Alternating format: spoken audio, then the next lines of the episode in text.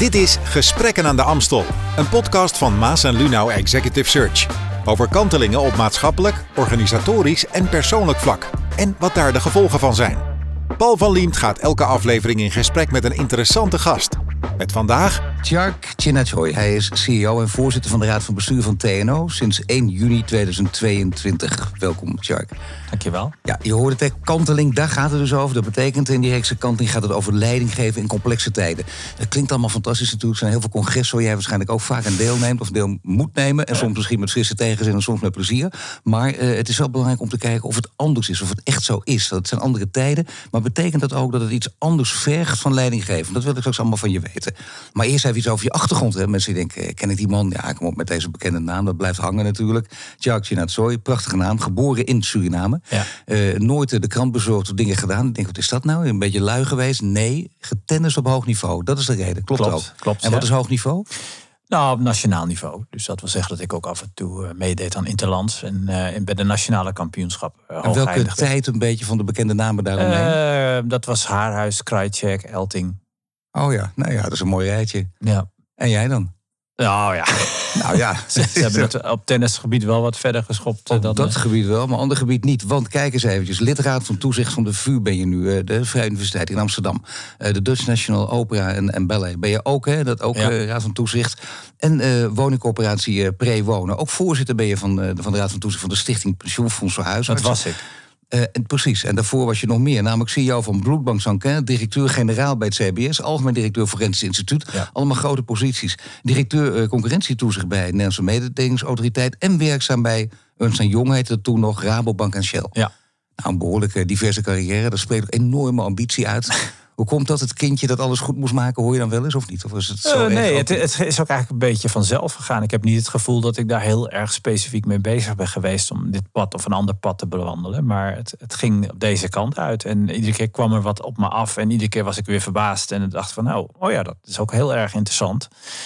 Maar ja, het is natuurlijk zo door, ehm, door dingen. Je, je kunt heel bewust kiezen voor iets, maar je kunt ook bijvoorbeeld kiezen doordat je sommige dingen gewoon niet doet. Dus die, op, die op je pad komen. En dat is ook een vorm van kiezen. Ik hoorde, zag hoorde het uitzicht van jou geweldig ook. Als je kiest, verlies je altijd. Ja, dat, dat is ook Dat waar. is ook echt zo. Ja, en, maar je kiest door, door iets te verliezen. Je kunt ook kiezen door echt actief te verliezen. Hè? Dus je zegt van ik doe dit niet. eh, want dit vind ik, dit voelt niet goed of zoiets. En dan als er iets langskomt wat wel goed voelt, dan grijp je daarop in. En Ben je iemand dat. die altijd zegt, je moet nooit ergens spijt van hebben? Want dat klinkt heel goed en stoer natuurlijk. En ik vind dat eigenlijk ook. Maar heb je toch soms ergens spijt van gehad? Want soms maak je ook een verkeerde keuze. Ja, nou je bedoelt in de carrière of meer algemeen? Maar voor- ga- ga je in mijn carrière heb ik nooit eh, spijt gehad. En Eigenlijk sowieso ben ik niet zo'n terugkijker. Eh, en het is wel zo dat alles wat er fout gaat, eh, als het fout gaat, is ook wel weer, daar zit ook wel weer een positieve kant aan. Want je leert er natuurlijk het Maar kun je een van. voorbeeld geven dan? Nee, eh, eh, omdat ik eigenlijk juist van geen van enkel van die, van die dingen die ik gedaan heb. Ik bedoel, ik heb een, een aantal, in het, zeker in het begin van mijn carrière bij het bedrijfsleven, heb ik een aantal vrij snelle switches gemaakt. Eh, in, in die tijd dacht ik ook van, wat ben ik nou eigenlijk aan het doen? Want ik heb twee jaar bij Shell, even kijken, eh, toen eh, anderhalf jaar bij Rabo en toen drie jaar, drieënhalf jaar bij Ernst Young Ja, dat is kort. dat is allemaal vrij kort. Dus ik dacht van, wat is hier nu aan de hand eigenlijk? Maar achteraf gezien weet ik precies wat er aan de hand was. Ik was eigenlijk altijd daarvoor geweest. Ik werd gepromoveerd in de theoretische natuurkunde. Dus ik had eigenlijk altijd een beetje een beeld van... ik, ik ga misschien wel de wetenschap eh, door. En op een gegeven moment besloot ik... nee, ik ga dat niet doen. Ik wil verbreding. Of ik, had een soort gevoel van... ik moet iets anders gaan doen dan alleen maar dat ene. Ehm, maar wat dan?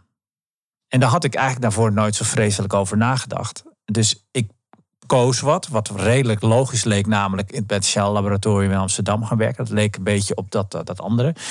Eh, en toen ontstond er een periode van waarin ik dacht van ja, wat, wat is nou eigenlijk dat andere dat waar ik naar op zoek ben? En dat leidde dus inderdaad tot een periode waarin ik wat switchte van, van de ene baan naar de andere baan. Natuurlijk, maar waar naar je op zoek bent, ook als je jouw hele cv bekijkt en, en hoort wat ik zojuist gezegd heb, dan denk je nog, het is niet echt een lijn in aan te geven, maar dat hoeft ook niet. Je kunt ook zeggen, leven in de breedte. Ik wil veel zien. Je kunt ook een monomane hoogleraar theoretisch natuurkunde zijn. Ja, precies. En als ik dan achteraf terugkijk, en te- toen had ik misschien een tijd lang zoiets van, nou, eh, misschien is het niet zo goed geweest dat ik eh, die switches heb gemaakt, zo kort na elkaar. Maar achteraf gezien denk ik van, goh, dat is helemaal niet correct. Want juist daardoor heb ik wel heel veel gezien in die tijd. Tuurlijk. En ook uh, ontdekt wat ik belangrijk en leuk vond. En wat ik wat minder uh, leuk vond. En, en kun je dat even met ons delen dan? Wat, wat vind je leuk en wat minder leuk? Nou, bijvoorbeeld toen ik bij, bij Shell zat, was er een periode aangebroken waarin er flink bezuinigd moest worden. En er werd er fors bezuinigd op research. En ook de toon in de organisatie was er een van ja, research kost veel. Uh, en uh, moeten we dat wel willen? Dat was in die tijd even en, en echt uh, best wel aan de hand. En ik ontdekte toen wel van ja, als je in een organisatie buiten de academische wereld gaat zitten, dan moet je echt in de core business zitten. Dan moet je echt dat, je bezighouden met datgene waar, het, waar de organisatie echt om, om draait. Dat is voor mij tenminste. Hè? Dus, um, en op dat moment draaide het bij Shell af, nou, zeker niet om research. En, um, en dat, ja, dus of ik voelde mijzelf een beetje in de periferie zitten. En ik merkte toen dat ik daar eigenlijk helemaal niet zo, uh, niet zo voor aangelegd ben, zeg maar. Um, nou ja, en zo heb ik bij alle, al die posities, al die banen, heb ik toen wel wat, wat meegekregen. Toen bijvoorbeeld toen ik bij Rabobank zat, werd ik aangenomen voor uh, een bepaalde job. Dat was dan in de exotics options uh, wereld, zeg maar, om die te waarderen en de risk management te doen en zo. Maar ik raakte betrokken al heel snel bij het opzetten van een bedrijf, een joint venture tussen Rabobank en een, een Zwitsers bedrijf. En Ehm, ik ben er toen best wel gretig op ingedoken. En opeens moest ik uh, me bezighouden met het opzetten van de vennootschap. En allerlei uh, actes opstellen met de notaris en de, en de juristen en het financiële verhaal. Dus ik moest me snel inlezen in allerlei zaken. En ik vond het geweldig leuk. Dus dat was eigenlijk een soort moment van: hey, dat is interessant. Schijnbaar vind ik dat leuk. en dat zou je dan niet ontdekt hebben als je nooit zo'n zo'n zijstap had gemaakt. Uiteindelijk, toen het bedrijf helemaal stond, toen had ik zoiets van ja, oké, okay, maar is dit dan eigenlijk dan wel het, uh, het gaan runnen of gaan doen van die activiteiten binnen dat bedrijf? Is dat dan hetgene wat ik leuk vind? Nou nee, ik vond het opzetten van het bedrijf leuk.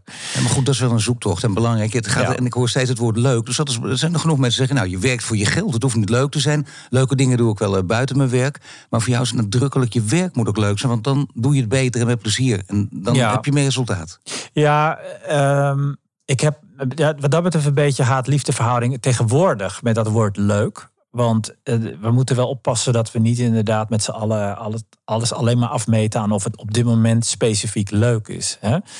Uh, leuk kan ook betekenen dat je urenlang uh, en dagenlang en maandenlang zwoegt en, en, en, en traint, zoals we in de sport, om op enkele momenten maar het heel leuk te hebben.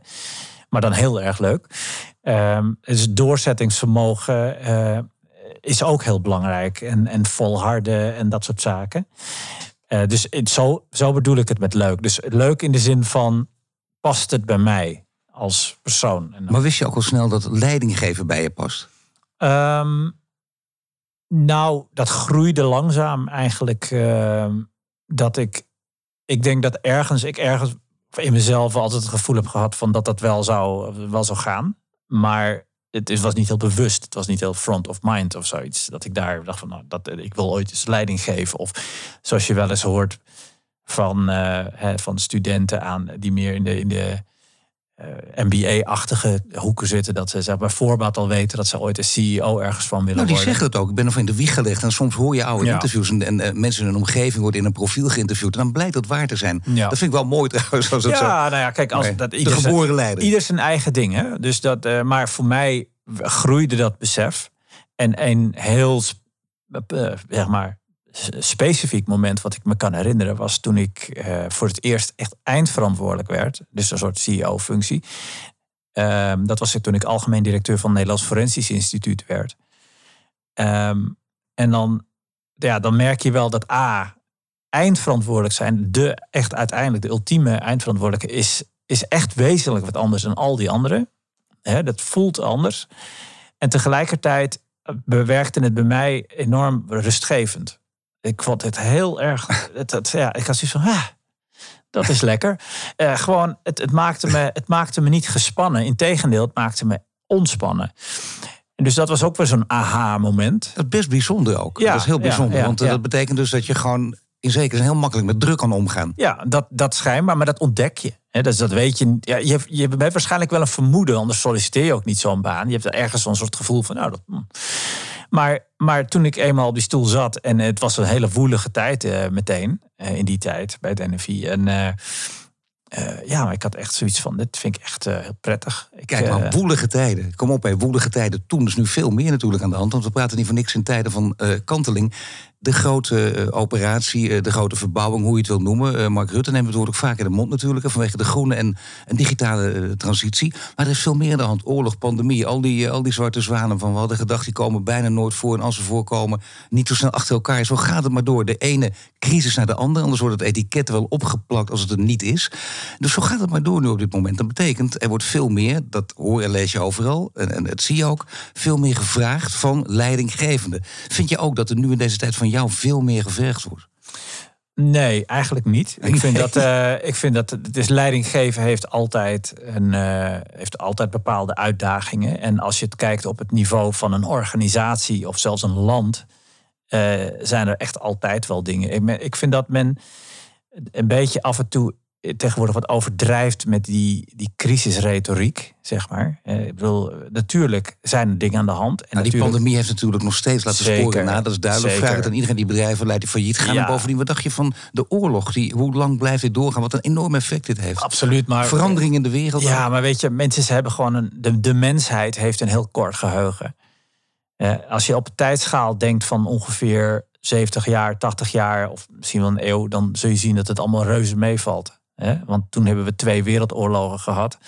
We hebben de Spaanse griep gehad, waar echt vele meer, veel meer mensen aan dood zijn gegaan dan. En we hebben, we hebben de Vietnamoorlog gehad, we hebben allerlei oorlogen in het Midden-Oosten. En dat is helemaal nog niet zo heel erg lang geleden. Dus die onrust in de wereld, die, uh, die is best wel een, ja, van, van alle tijden. En nou ja, maar die exponentiële versnelling die veel mensen aanhalen, die is wel voor het eerst nieuw. Dus dingen veranderen niet over een periode van 10, 15 jaar, maar binnen drie, vier jaar. De, het gaat wel heel snel. GPT, opeens was het er en heel ja, snel. En opeens ja. weet iedereen dat is een game changer. Ja, Je dus, weet niet hoe, maar het is het wel. Dat klopt, dat, dat is wel waar, inderdaad. Dat, uh, dat soort technologische ontwikkelingen die, hebben, uh, die komen en die zijn heel erg impactvol. Tenminste, dat denken we dan. Hè?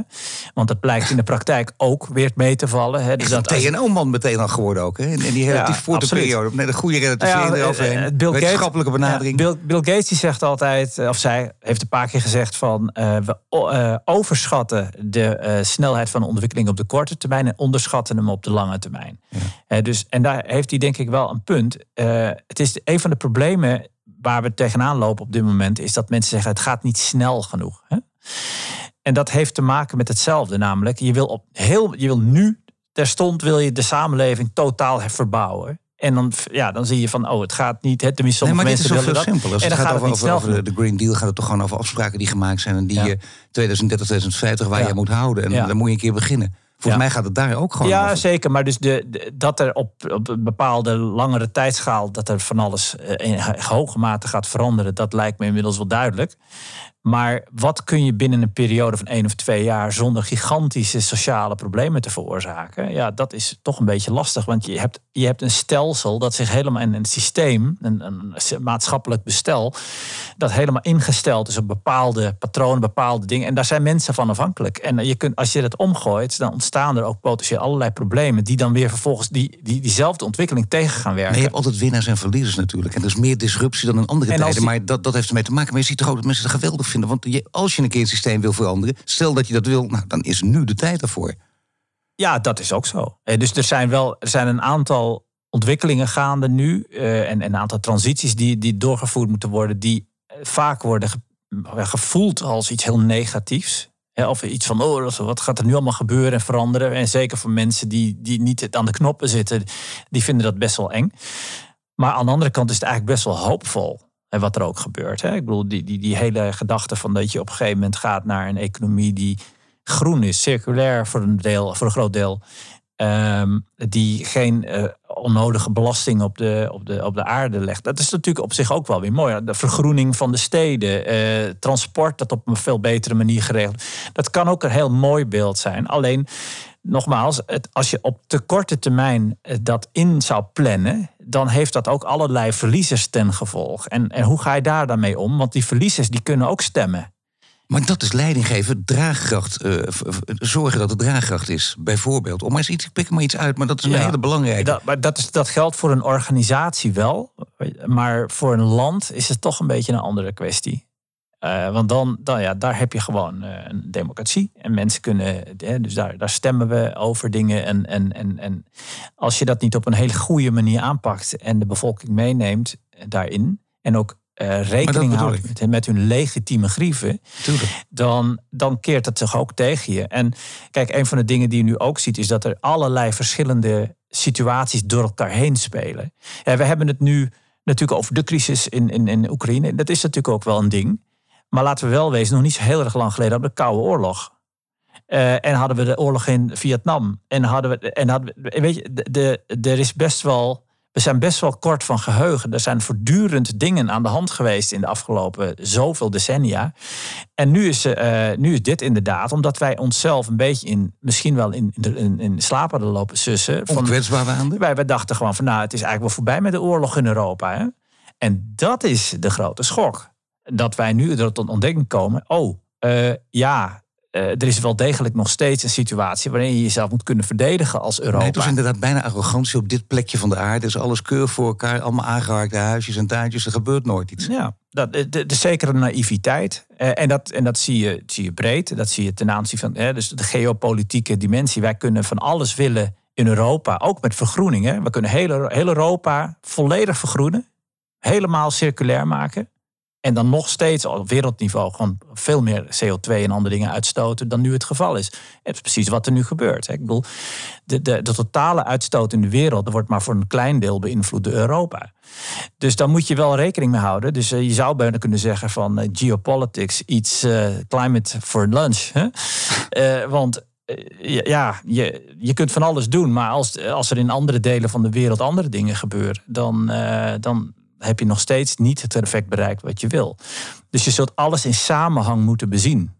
En dat is heel erg lastig.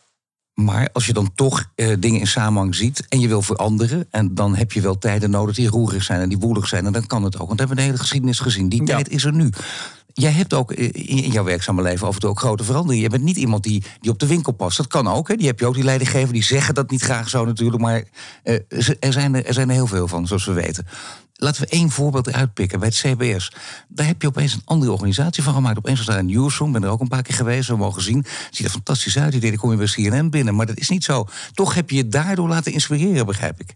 Ja, nou ja, kijk, dat, dat, is dan, dat heeft dan ook betrekking misschien op uh, wat ik eerder zei. Um, gaandeweg, naarmate je dit type werk doet en ook een beetje daar die stijl in krijgt, dan ga je ook voor jezelf nadenken: wat, is nou, wat zijn nou de cruciale elementen van een veranderingsproces? En een van de dingen die je moet realiseren altijd is dat mensen kunnen, je kunt niet tegen mensen zeggen, je, je moet veranderen, het moet anders. Alles gaat veranderen. Dat soort kreten die maken mensen alleen maar bang.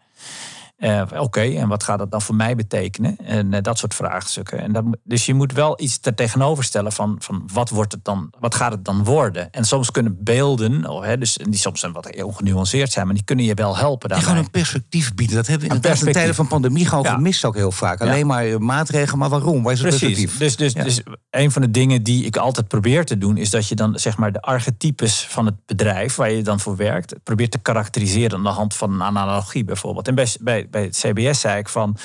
Kijk, wat zijn we nou in essentie? We zijn aan de ene kant zijn we een, een, creator, een creator van content. Want wij creëren op basis van onderzoek, eh, data-onderzoek in dit geval, allerlei uh, informatie. Die ten behoeve van de samenleving wordt gemaakt. Zodat de beleidsvormers, maar ook de burgers en bedrijven, die kunnen dan nog betere besluitvorming nemen op basis van die informatie die wij leveren. Dat is één. Eh, dus we zijn, maar we zijn een datafabriek, als je het zo zou willen noemen. Dus een soort Google, zeg maar. Nou, en het is heel ongenuanceerd, maar toch even voor, het, beeld, voor het beeld. Het tweede is, ja, leuk al die data die je dan en als statistiek die je maakt. Maar als het nooit iemand bereikt, dan heb je er nog niks aan. Iemand moet het horen, mensen moeten het horen in het land. Anders dan kunnen ze er niks mee. Want dan gaat het op in die enorme kakofonie van informatie die iedereen over zich heen gestort krijgt.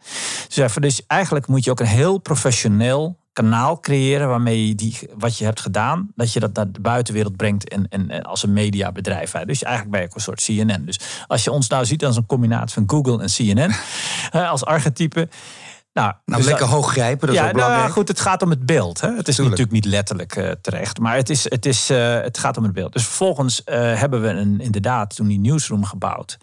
die, waarbij ik me heb laten inspireren door een, een, keer dat ik voor mijn werk in Atlanta was en het hoofdkantoor van CNN bezocht. En ik zag die prachtige newsroom, hoe professioneel dat eraan toe ging. Ik dacht van nou, zoiets dergelijks kan ik ook wel voor me zien hier. En niet alleen maar omdat het nuttig is in de dagelijkse praktijk met een eigen studio en allemaal van dat soort dingen. En, en mensen die daar bij elkaar zitten in een open ruimte en, en daarmee gewoon snel kunnen schakelen.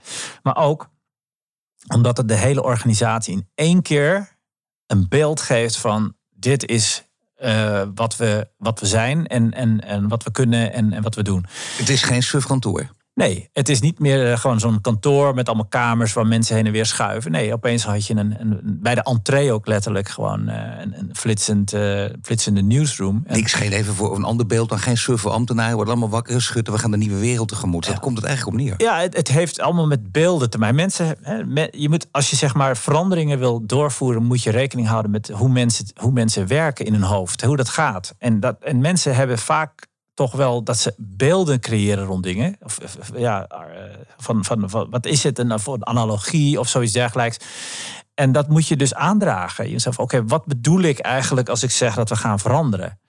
Uh, daar bedoel ik dit en dit mee. Nou, dan kunnen mensen er nog steeds van alles bij denken. Maar als je dan zoiets creëert als in dit geval dan een, een newsroom, dan weten mensen meteen van oké, dus dit was, ah, het was serieus die opmerking die ja. die een keer had gemaakt. Uh, en B, ik snap nu ongeveer waar het naartoe gaat. Uh, en, um, en dat is wel wat je ook in die transities nu die we allemaal door moeten. Met de energietransitie, de materiale transitie en dat soort zaken. Je moet mensen wel een perspectief bieden dat aanlokkelijk is. Want anders is het alleen maar bedreigend. Nee, natuurlijk. Dat, dat is het grote gevaar, ook, of het grote probleem, denk ik, van change management. Iedereen die daarmee bezig is, weet hoe moeilijk het is. Je hebt het een paar keer aan de lijf ondervonden. En je moet het perspectief bieden. Ook wordt zijn het voor meer, gaan mensen zich afvragen. Mensen moet je op een van die geruststellen. En sommigen moet je ook afschrijven. Want niet iedereen wil mee. En sommige mensen houden alleen maar van mopperen en zeuren en zeiken natuurlijk. Daar heb je dan weer niks aan. Je wil vooruit en je hebt een idee. Maar ja, dat wil je ook bij TNO. Stel, ik werk bij TNO en ik ben zo'n type dat denkt, nou, verandering, oh, oh, moeizaam. En dan staat er een hele gouden kop en dan staat er boven, ik ga van een olietanker speed speedboot maken. Heerlijke kop. Het was gelukkig geen kop, maar, maar inderdaad, het stond wel in het stuk. Maar voor beeld is dat gewoon, dat nou, blijft ja, dan, dan, krijg je dus ook inderdaad van sommige medewerkers de vraag van wat bedoel je daar dan precies mee? ja. Uh, ja, en dat is een terechte vraag. En die vraag die moet je dan ook beantwoorden. En wat is het antwoord? Nou, in dit geval is het antwoord eigenlijk, uh, dus dat hangt van de organisatie. Maar in dit geval is het zo dat uh, eh, TNO heeft ontzettend veel potentieel, ontzettend goede arbeidskrachten. Mensen die daar werken, die zijn echt enorm goed en getalenteerd. En maar ik heb nooit zijn... een baas ook gezegd, eh, mijn mensen zijn niet goed getalenteerd. Nee, maar, dus de, maar de processen en de procedures en de organisatie, die, die heeft wel wat, uh, uh, wat aspecten in zich die maakt dat mensen zich wat bekneld voelen af en toe. dus dat ze onvoldoende kunnen vlammen.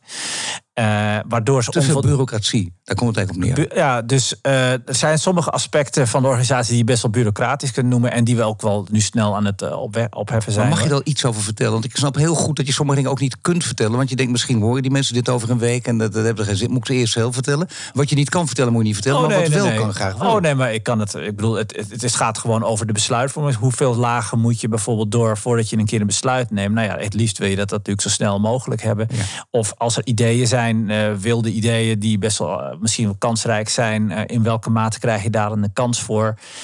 Maar ook zaken als hoeveel projecten moet je als medewerker tegelijkertijd draaien. En nou, ieder project heeft waarschijnlijk zijn projectmanager. En hoeveel managers heb je dan opeens aan je broek hangen, zeg maar. Ja.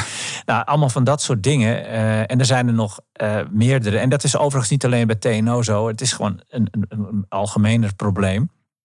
Dus een van de dingen waar ik waar ik naartoe wil, is dat wij uh, echt veel, veel meer focussen op datgene wat we willen bereiken voor de samenleving. En daar eigenlijk alles in de organisatie voor opstellen. Zodanig dat we dat ook zo snel mogelijk kunnen bereiken. Zal ik wat voorbeeld geven? Want kijk, TNO is belangrijk genoeg. En uh, kijk eens even wat er gebeurt. Hè. Bijvoorbeeld de impact van de rapport op de samenleving. Kritiek op RVM, rekeninstrument om de kritische depositiewaarde te berekenen. Van invloed op het stikstofbeleid.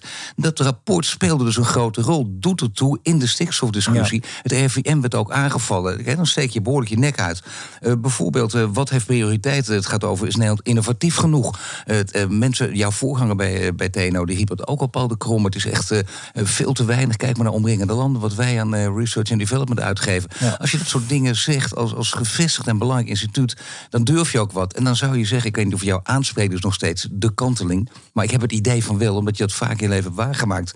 Ja, waar gaan we die kanteling voelen? Blijven dit soort rapporten uh, dominant of niet? Ja, dit soort rapporten blijven. We hebben eigenlijk twee hoofdtaken. De ene is inderdaad uh, het beleid inspireren met, met, met kennis, zeg maar. Dus dat zijn dit soort rapporten. Heb je het dan over de tweede is, en dat is wat minder bekend, maar heel groot ook binnen TNO, dat is echt gewoon innovaties doen voor bedrijven.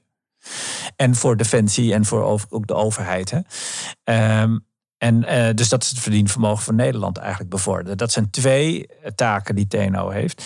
Um, en dat gaat allebei TNO door. ook vindt, zo dat ik in de reden van, omdat TNO ook vindt dat innovatie niet belangrijk genoeg is.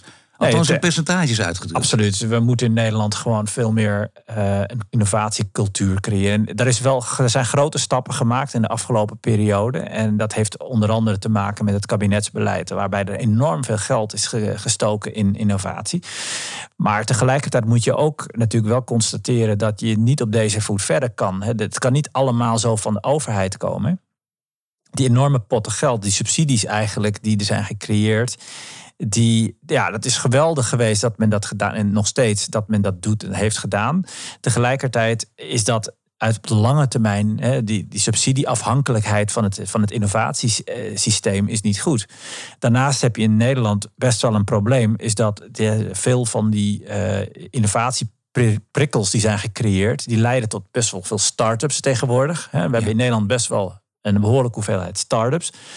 Maar als je kijkt naar hoeveel van die start-ups daadwerkelijk scale-ups worden. Dus ja, 1%. Is veel te weinig. En dat is wel een serieus probleem. Want dan heb je eigenlijk een soort stuw meer gecreëerd potentieel van allemaal start-ups. Alleen uh, die, ja, die moeten wel doorgroeien om echt de waarde te creëren die je dan ook als samenleving wil zien. Ja, dat lijkt logisch, maar het is best opvallend dat jij dat nu zegt. Want veel mensen willen dat liever niet doen. Hè. De start-ups allemaal doodgeknuffeld, maar er zijn er te veel op dit uh, gebied. Er moet, althans, uh, er zijn er te weinig die door kunnen stromen. Daar het. moet iets ja. aan gebeuren. Want ja. dat er heel veel zijn is heel goed. En kijk eens even, die moet, en er moeten ook heel veel mislukken. Daar ben je ook een start-up voor, dat kan niet anders de meeste startups zullen altijd, dat geldt ook voor Silicon Valley en zo, weet je, de meeste startups die gaan op een gegeven moment over de kop, om wat voor reden dan ook. Uh, maar het percentage dat doorgroeit, dat is wel te laag op dit moment. Maar wat dus, kun je daaraan doen dan? Nou ja, er zijn verschillende dingen die je kunt proberen. Je kunt uh, specifieke financieringsbronnen gaan creëren om, om eh, scale-ups te realiseren. Maar je kunt ook bijvoorbeeld, dat is onder andere een, een strategisch punt nu voor TNO. Hè, dus daar zijn we de hele dag de nadruk aan het opleggen. Uh, leuk, start-ups, prima. Maar we moeten ook als TNO juist die, bij die start-ups aan de slag om ervoor te zorgen dat zij ook scale-ups worden. En dat betekent dus onze kennis, faciliteiten eh, eh, en, en ka intellectueel kapitaal inzetten, juist om van die start-ups, scale-ups te maken. Dus maar dat, het, voortdurend in combinatie met nieuw kapitaal. Dus dat betekent ook uh, ja. private equity bijvoorbeeld. Nou ja, dus dat is een, een gedachte die wij inderdaad nu aan het uitwerken zijn. Is dat wij samen met private equity en met uh, allerlei andere financieringen, dus de, de, de ROMmen, hè, de regionale uh, investeerders, dat wij daarmee samen dat pakken. En dus dat zij het financieel kapitaal leveren, wij het, het kenniskapitaal en de infrastructuur om dat soort bedrijven, die starters te helpen om juist die volgende slag te maken naar echt een groot bedrijf, de volgende ASML. Ja, maar dat is daarom. Dit is, wat je nu vertelt is dus heel, als dit lukt, is dit heel erg groot. En ik zie dat jij gewoon, je, bent, je hebt leiders die blijven soms een hele leven zitten. Dat moet je nooit doen natuurlijk als leider. Een jaar of acht, hè, leer je op Harvard, tien jaar. En, en had en overal leer je dat, maar jij gaat soms nog wel sneller weg. Maar hier, hier heb je toch een tijd voor nodig, denk ik. Ja, hier heb je. Nou goed, dit is iets wat we in Nederland gezamenlijk natuurlijk moeten doen. TNO kan daar wel, en dat is natuurlijk het leuke van TNO. We hebben dat echt wel firepower, zoals het eh, in het Amerikaans heet. We kunnen echt wel wat. Um, maar we moeten die, die kracht die wij hebben ook echt daadwerkelijk inzetten op dit doel. Want uiteindelijk is Nederland daar wel heel van afhankelijk. En wat, wat ik zeg het vaker uh, de laatste tijd als wij niet heel sterk focussen op een innovatieve, dynamische en, en, en competitieve kenniseconomie die echt in de wereld mee kan, dan kunnen we straks ook al die transities niet financieren. Want waar komt dat geld dan vandaan? Eh, dus je moet, je moet ontzettend sterk zijn en, en sterke benen, sterke schouders hebben als, als, als land, als economie, om ook daadwerkelijk heel snel die investeringen te doen die noodzakelijk zijn om door die transities heen te komen. En die twee die hangen met elkaar samen. En hetzelfde geldt voor Europa bijvoorbeeld en defensie. Als je geopolitiek je mannetje niet staat, dan gaat dat ook in de, ja, in de wielen rijden. Want bijvoorbeeld voor veel van die, van die batterijen en andere spullen die we nodig hebben voor voor, de, voor die transities zijn we op dit moment afhankelijk van uh, regio's buiten Europa. En regio's die potentieel het volgende probleem zouden kunnen zijn. het is een hele grote, mooie transitie. Gelukkig past het helemaal inderdaad nog eens extra leuk in dit, uh, dit programma. Want het gaat over inderdaad de kanteling. Dus één dingetje, denk ik. Als ik jouw hele verhaal hoor. Jij gaat het voor elkaar krijgen. Dat lijkt mij wel. Jou een beetje kennende. Dat gaat lukken op één ding na. Namelijk, misschien word je geroepen straks om, om het land te leiden. Als premier of minister. Wat zeg je dan? Nou, nee. Dat, ik denk niet dat. Uh, kijk, A is dat helemaal niet aan de orde. En, uh, dus ik denk daar ook helemaal niet over na. En uh, ik vind de echt een waanzinnig mooie organisatie met heel veel mogelijkheden. Um, en, en, een enorme rijke staat van dienst. Dus ik blijf, ik blijf hier lekker zitten. En probeer vanuit die positie maximale steentje bij te dragen. Ik dank je. Tjerk, Dit was Gesprekken aan de Amstel. Een podcast over kantelingen op maatschappelijk, organisatorisch en persoonlijk vlak. Presentatie Paul van Liemt. En mede mogelijk gemaakt door Maas en Lunau Executive Search. Volg ons in je favoriete podcastplayer voor meer Gesprekken aan de Amstel.